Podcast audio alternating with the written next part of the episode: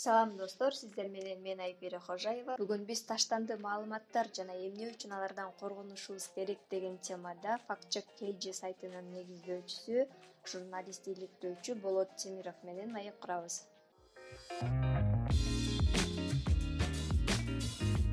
Түшүндүрмө берип кетсеңиз информационный мусор деген эмне мисалы бул. Определенный бир маалыматтарбы же болбосо бизге керексиз болгон эле маалыматтардын баарын биз таштандуу маалыматтар деп атасак болобу. Негизи сиз кандай мааниде берип атасыз ушул э, маалымат таштанды деп?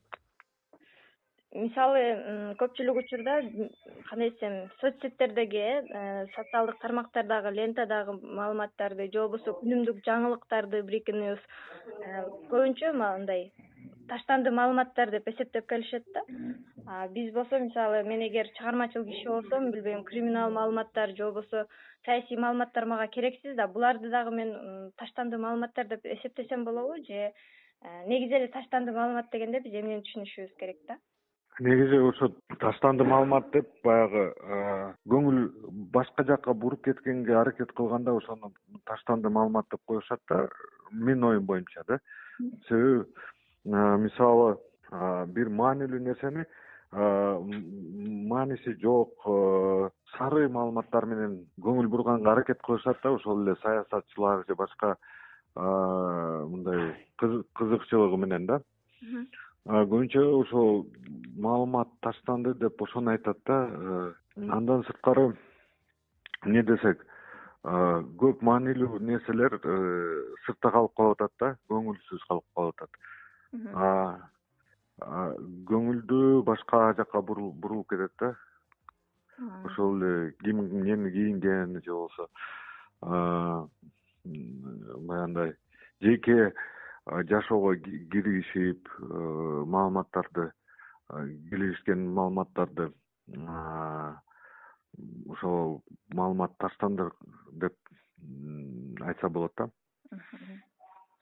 анан сиз айтып атпайсызбы көбүнчө маанилүү нерселер э, эмеден көңүл сыртында калып калат депчи. Биз ошол бизге келип аткан маалыматтардын маанилүү экенин кантип билебиз? Эң маанилүү маалымат кайсыл экенин биле алабыз деген суроо да. Биринчиден баары бир кызыкчылык издеш керек да ар бир маалыматтын аркасынан.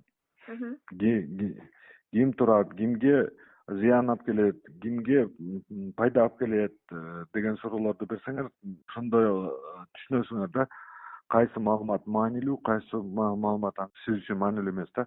Анан кийин мындай баардык эле маалыматтарды мындай э, развлекательный жагы бар развлекательный же образовательный маалыматтарды деле таштанды деп айтканга туура эмес. Эми мисалы ошол эле темада ошол эле жөнүндө саясат болобу же болбосо мындай экономика болобу же социалдык тармактарды э, социалдык маселе болобу. Көбүнчө сүйлөшүүлөрдө же болбосо талкууда көңүлүбүздү башка жака буруп кеткенге аракет кылышат да. То есть адам эмнени кайсы маалыматты алыш керек экенин билсе ошол маалыматты ээрчип кетпейт э мындай таштанды маалымат. Ооба мисалы коррупция жөнүндө сүйлөп атсак сүйлөшүп атсак маалымат маалымат чыкса жеке э, мисалы ким коррупцияны чыгарганын жеке жашоосуна же болбосо жеке журналистке асыла баштайт да бул таштандык болот да. Себеби эң маанилүү нерсе ошо коррупцияны көтөргөн э, нерсе да. Кантип эмне үчүн уурдап атышат эмне үчүн мындай биздин мамлекетте болуп атат дегенди талкуулабай анан кийин ошо чыгарган журналист талкуулай башташат да. Бул ошо э, таштандыкка карайт да маселени башка жака буруп кеткенге аракет кылышат да ал манипуляцияга э, туура келет мына элдин э, э, оюн башкага буруп кеткенге аракет кылып анан кийин суудан кургак чыгып кеткенге аракет кылышат да. Как раз ушул суроону берейин дегем да. Мисалы таштандуу маалыматтарды жайылтуу аларды популяризация кылуу кимдин кызыкчылыгында макул бир эсеби ошол өзүнүн артынан журналисттик иликтөө түшкөн болсо ошондон кутулуу үчүн элдин оюн башкага буруу үчүн кандайдыр бир кызыктар тараптар э билбейм политиктер болушу мүмкүн ушундайлар колдонот дейли да дагы кандай себептер болушу мүмкүн? Бул э, мусорный информацияны жайылтуунун максаты эмнеде да? Же бул өзүнөн өзү боло турган табигый эле көрүнүшпү? Кызыкчылыктар бар өзүнөн башка жака бурганга аракет кылышат анан кийин бул көбүнчө таштанды маалымат деп айтса дагы болот анын өзүнүн түз немеси бар да манипуляция деп коет да. Аны мындай кыргыз тилинде кантип айтса болот? Сизди алдаганга аракет кылат да? Мисалы адамдарды каралап өзүнүн каршы чыккан адамдарды каралаганга аракет кылат. Бир манипуляциянын бир түрү бар баягы ярлыктарды ыйлайт да. Мисалы мына коррупция же болбосо башка маселени көтөрүп аткан адамды ушу мисалы социалдык тармакта биз билим берүүдө медицина начар деп көтөрүп аткан адамды а бул мисалы америкага иштейт деп туруп ярлык илип коет дагы анан кийин буга ишенбегиле деп маселе маселе бойдон калды да өзгөргөн жок өзүнүн э, ошо туура э, суроого жооп бербей ошол каршы чыккандарды жамандап чыккан бул манипуляциясынын бир түрү да. Ошол эле мисалы биздин массалык маалымат каражаттарды деле карасаңар көп макалалар чыга баштады. Баягы э, бийликти сындап бийликти чындык айтып баягы бул жерде начар бул жерде оңдош керек деген адамдарды массалык маалымат каражаттары аркылуу ошол эле бийлик шыбап атат да. Мына мына бул бул биздин руху духубузга туура келбейт бул калп менен айтып беришет бул ошо гей же башка деп өзүнчө немелерди аттарды коюшат. Ошентип элдин оюн эл талкууну чын баягы оор маселеден коомдук маселеден жеке адамдарга буруп коет да. Информационный мусор дегенде үнүмдүк жаңылыктар э анан э, рекламаны көбүнчө айтып келишет да бул реклама дагы эменин таштанды маалымат болуп эсептелет депчи ушул тууралуу айтып кетсеңиз бул канчалык деңгээлде э, зыяны бар таасири кандай деген эми э, мисалы бизге керек керексиз болсо деле мисалы ошо мисалы ошол эле машина издеп аткан же болбосо үй издеп аткан сатып алган буларга керектүү нерсе да реклама. Реклама деген бул баягы экономиканы алдыга жылдыра турган нерсе да. Эми күнүгө бизге мындай жашообузда керексиз маалыматтарды көп алабыз да. Бирок э, биз адамдын денеси ушундай э, баары бир аны мындай сактап калбайт да. Күнүмдүк сага керектүү маалыматты деле сактайсың. То есть анын аябай деле таасири жок деген да ошондо кандай деп коет? Неприятный болсо деле болушу мүмкүн бирок э, мындай зыян деле келтирбейт да. Эң зыяны ушул баягы силерди алдаган фейк маалымат анан силерди бурган бурмалаган маалыматтар көп зыян алып келет да. Себеби э, сиз ошол маалыматка карап бир ой пикир жаратасыз да? Саясатчы болобу же болбосо башка адамга ой пикириңизди жаратасыз да? Мындай суроо да эмне үчүн биз таштанды маалыматтардан арылышыбыз керек деген суроо. Сиз азыр айтып атпайсызбы мисалы реклама кийин азыр бүгүн мен бир нерсени көрсөм эгер ошол нерсе унутулуп калышы мүмкүн же болбосо эгер эстеп калсам кийин убагы келгенде ошол реклама мага пайда тийиши мүмкүн да пайдасы тийиши мүмкүн. Бирок көбүнчө мындай эксперттер э, таштанды маалыматтардан арылууга өзүңүздү мындай керек эмес маалыматтарды тыйып койгонго кеңеш беришет экен да. Анан эмне үчүн ушундай маалымат маалыматтардан биз э, оолак болушубуз керек? Коопсуздук үчүнбү же кандай? Айта албайм мындай алыс болушубуз керек. Ар бир маалымат э, өзүнчө маанилүү. Маалыматты колдонуп э, колдонгонду үйрөнүш керек да мисалы ошол эле э, маалыматтар келип атат өзүң үйрөтүшүң керек да бул маалымат мага керексиз эле маалымат. Же болбосо бул маалымат жалган маалымат окшойт деп эч нерсеге ишенбей маалыматтарды колдонгонго үйрөнүш керек да. Ошол эле рекламаны деле рекламаны деле үй издеп атсаң деле рекламага дароо эле ишене бербейсиң да. Ал жерде деле өзүн мактап э, керексиз маалыматтарды деле жазып коет да. Мисалы ошол эле шампунь же самындарда жүз жүз пайыз натуральный деп жазып коет анан кандайча натуральный деген эч кимде ой жок да а ушундай натуральный экен деп. Анан кийин составды эч ким карабайт мисалы. Ошондой эле да маалыматты туура колдонгонго үйрөнүш керек да. Эч нерсе баардыгына ишене бербей бир фильтр кылып маалыматты колдонуш керек да. Ар бир маалыматты. Каяктан болбосо дагы жаңылык болобу же реклама болобу же башка нерсе же кошунаңыз ушак айтабы баары бир баардыгына ишене бербей жүз пайыз ишенбеш керек да. Ошондо жоопкерчилик бул ар кимдин өзүндө болуп калабы. Мисалы мен э, допустим ютубтан өзүмө керектүү бир информацияны карап атсам мага индрайв же болбосо дагы бир билбейм лайф сыяктуу приложениялардын эмеси рекламасы келе берет да. Же болбосо жөн эле кино мындай эс алуу үчүн кино көргөнү netflixтин сайтына кирсең тоже бир реклама чыгат деген сыяктуу да. Анан ошолордон кантип э, өзүмдү жөнөкөй эле катардагы жаран катары мен кантип коргой алам өзүмдү? Эми баягындай э, өтө эле начар э, коркунучтуу видео же болбосо сүрөттөрдөн албетте мамлекет же ошол эле социалдык тармактардын модераторлорду бизди сакташ керек. Биздин психологияга зыян келтирген. А эми баягы рекламаларга мен мындай көз карашым түзүлдү да себеби мен деле түшүнөм алар ал реклама берип аткан каналдар алар деле ошол кинону сатып алат э, расход алат. Ал расходду жабыш үчүн алар деле каражат табыш керек да. Өзүн өзүн багыш керек э, сотрудниктер бар э, иштегендер бар ошолорго зарплата чыгарып бериш керек. Ошон үчүн мен аларды дагы түшүнөм.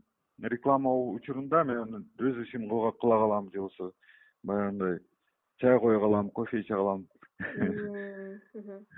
Негизи бизде кыргызстанда конституцияда бар да реклама тууралуу эме мыйзамчы.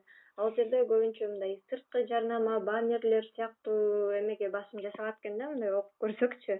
Анан э, мисалы азыр технологиянын заманы бүт эле рекламаларды көпчүлүк бөлүгү соц сеттер аркылуу берип калган да ушул боюнча кандай эмелер бар мисалы мыйзамда нормалар бир нерсени көрүп атам да интернеттенчи э, же болбосо ошол эле инстаграмга кирдим менден реклама чыкты. Э, интернет начар болсо мен мага керектүү лента ачылбайт да бирок лентадагы сүрөттөрчү.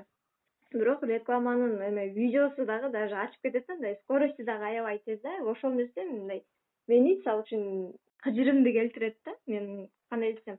Ошол э, соц сеттеги рекламаларды жеке адам катары допустим өзүмө информационный мусор деп эсептеп атам да мага кереги жок депчи анан мен кандайдыр бир тараптарга кайрыла аламбы же кандай мындай потребительский э, укуктар барбы?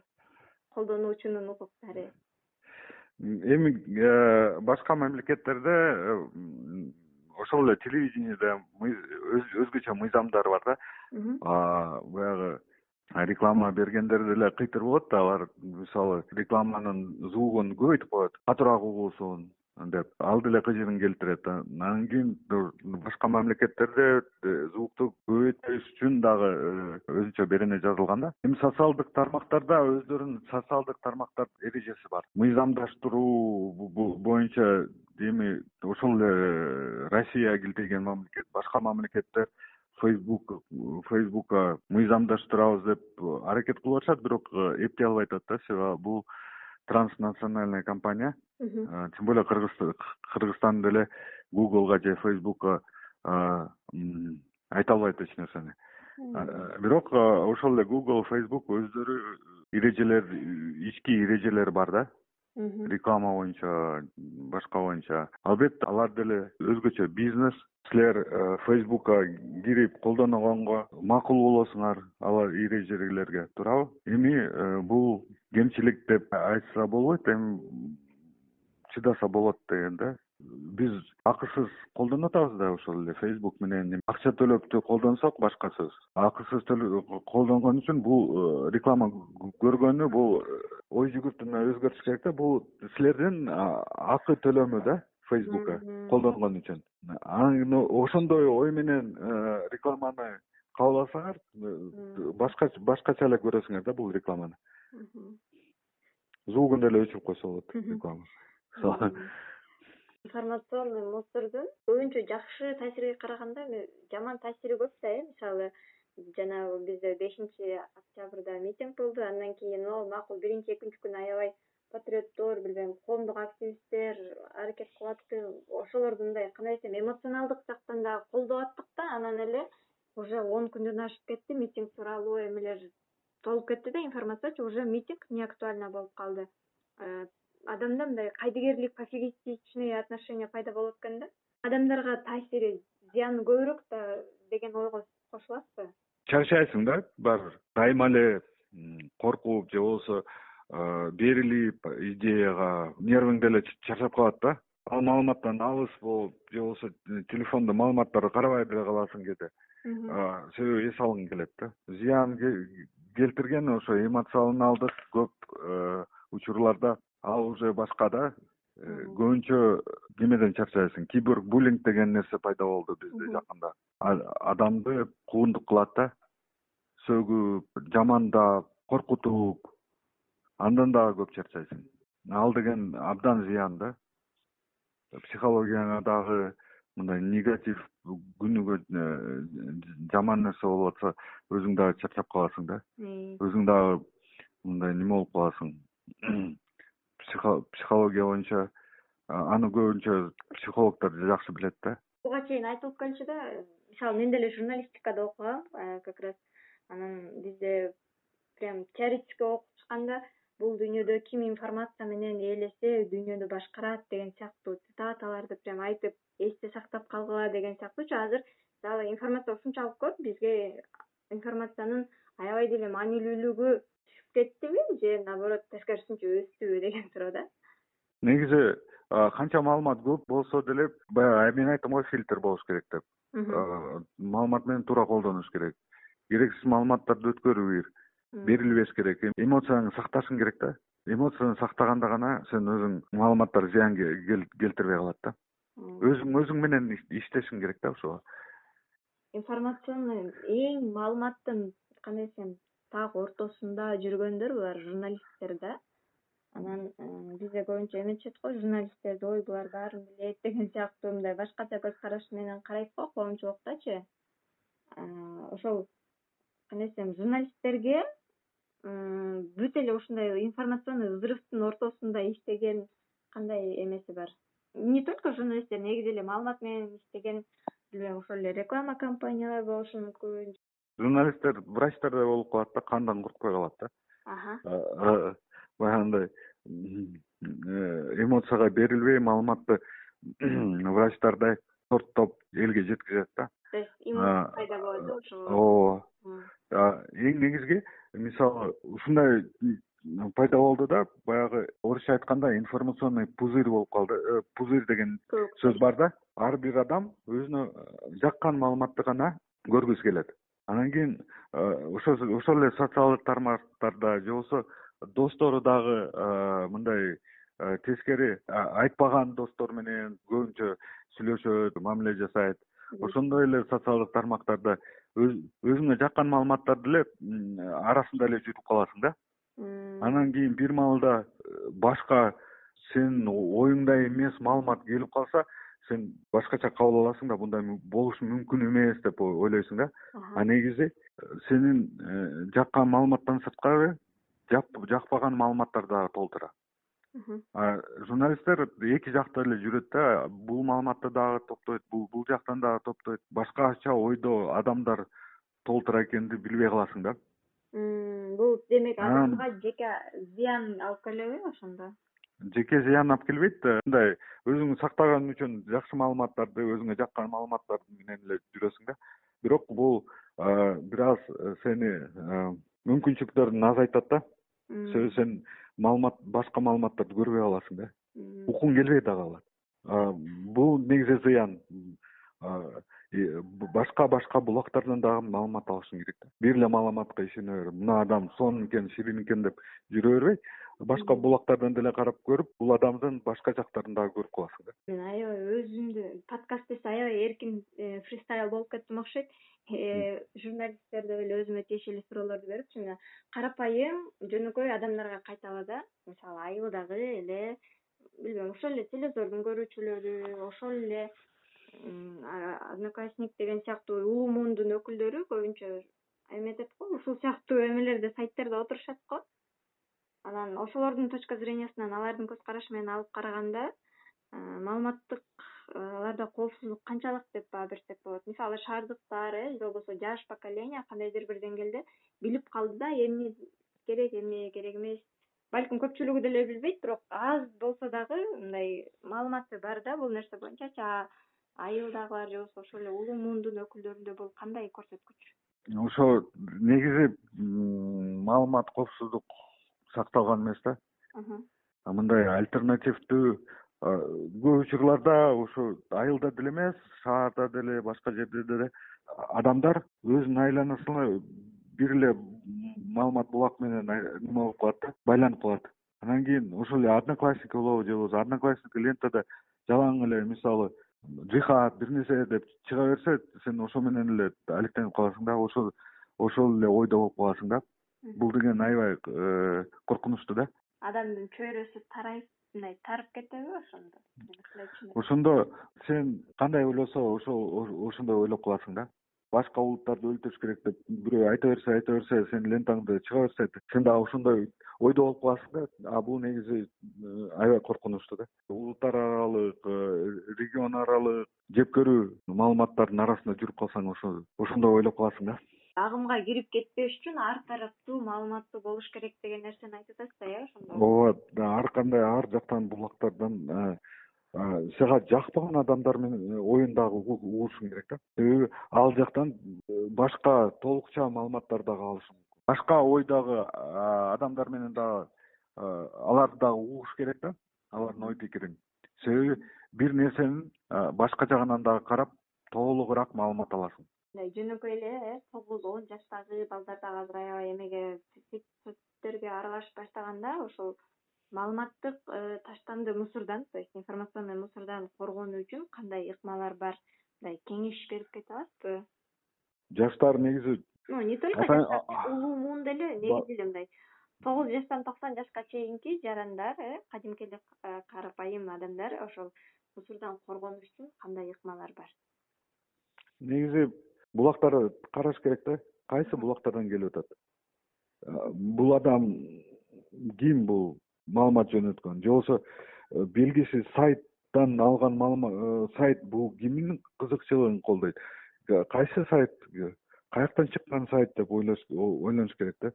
Кыргызстанда он жылдан бери иштеген сайттар э, баардыгы эле белгилүү. А мындай жок жерден чыга калып сайттар ар кандай маалыматтарды чыгарып аткан ишене бербеш керек да.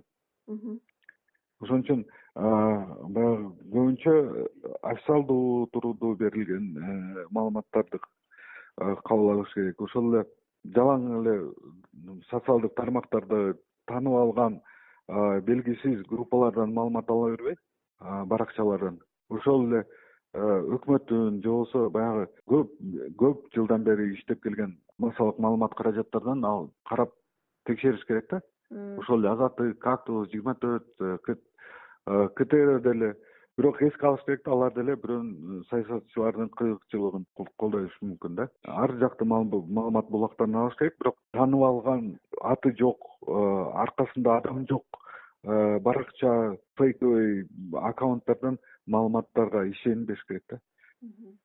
Ошол фейк маалыматтар фейк аккаунттар эмнелеп койчу элебиз хейтерлер дейбиз го ушулардын баарын эмеге кошсо болобу информационный мусордун бир бөлүкчөсү албетте эң негизги таштанды маалыматтарды тараткан ошолор болот да. Фейковый сайттар сайтта же редактору жок же мындай кожоюну жок э, сайттарды сайттардан ар кандай маалыматтар келе берет да. Мен э, мен көбүнчө ошо фейктер менен күрөшөм десем болот ошол жак менен. Анан кийин баягы реклама же болбосо башка маалыматтарды айтам го ал деле таштандык маалымат болушу мүмкүн кээ бирлерге кээ бирлерге ал чын эле пайдалуу маалымат болуп калышы мүмкүн да. Муну айырмалаш керек да мисалы мен үчүн маанилүү маалымат э, башкаларга таштанды маалымат болуп калышы мүмкүн. Ошо адам өзү үчүн эмне маанилүү экенин кайсыл э, мусор э, то есть кайсыл маалымат ал үчүн таштанды маалымат экенин кантип аныктаса болот